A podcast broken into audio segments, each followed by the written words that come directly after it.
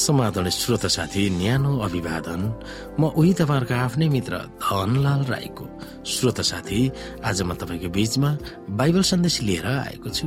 आजको बाइबल सन्देशको शीर्षक रहेको छ तेइसे दिन अर्थात् युगको अन्त।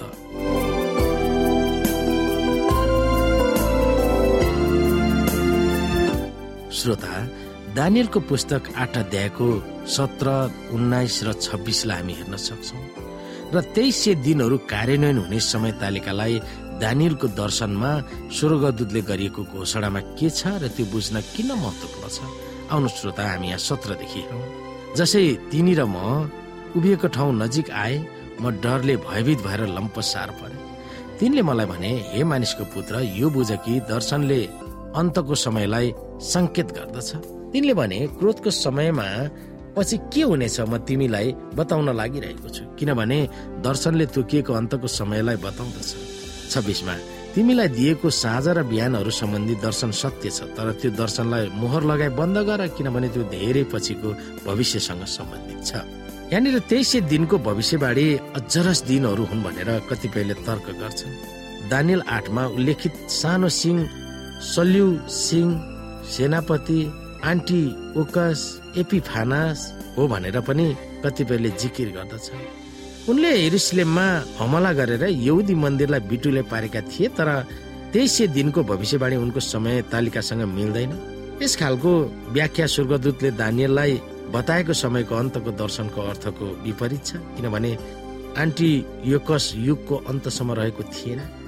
दानियल आठमा ग्राबियलले तेइस दिनको भविष्यवाणीको अर्थ खुलाउन सुरु गर्छन्।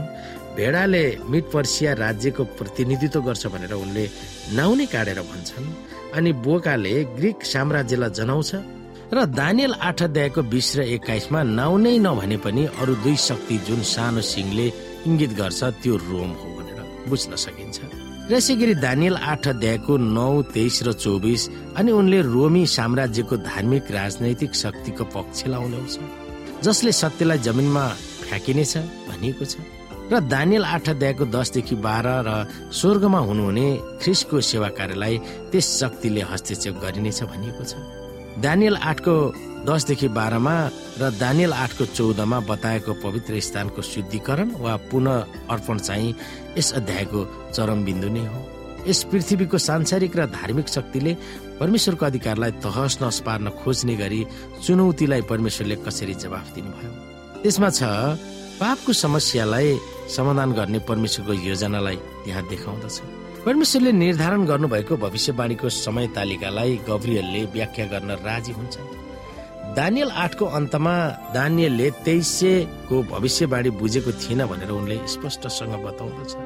दानियल आठको सत्ताइस भेडा बोका र सानो सिंहको बारेमा र पहिला दुई शक्तिहरूलाई नाउनै काटेर दानियलले बताएका थिए।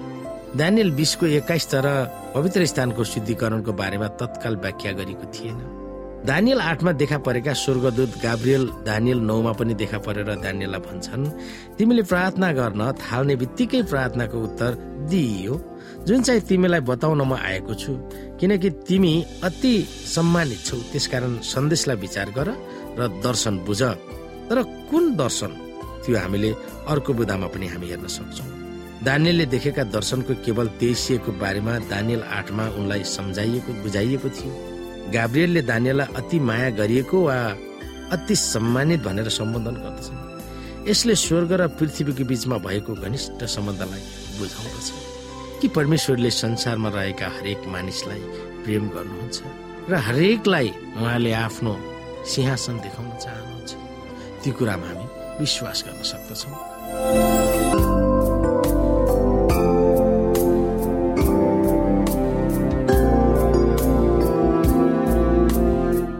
श्रोता साथी आजको लागि बाइबल सन्देश यति नै। हस्त नमस्ते जय मसिंह।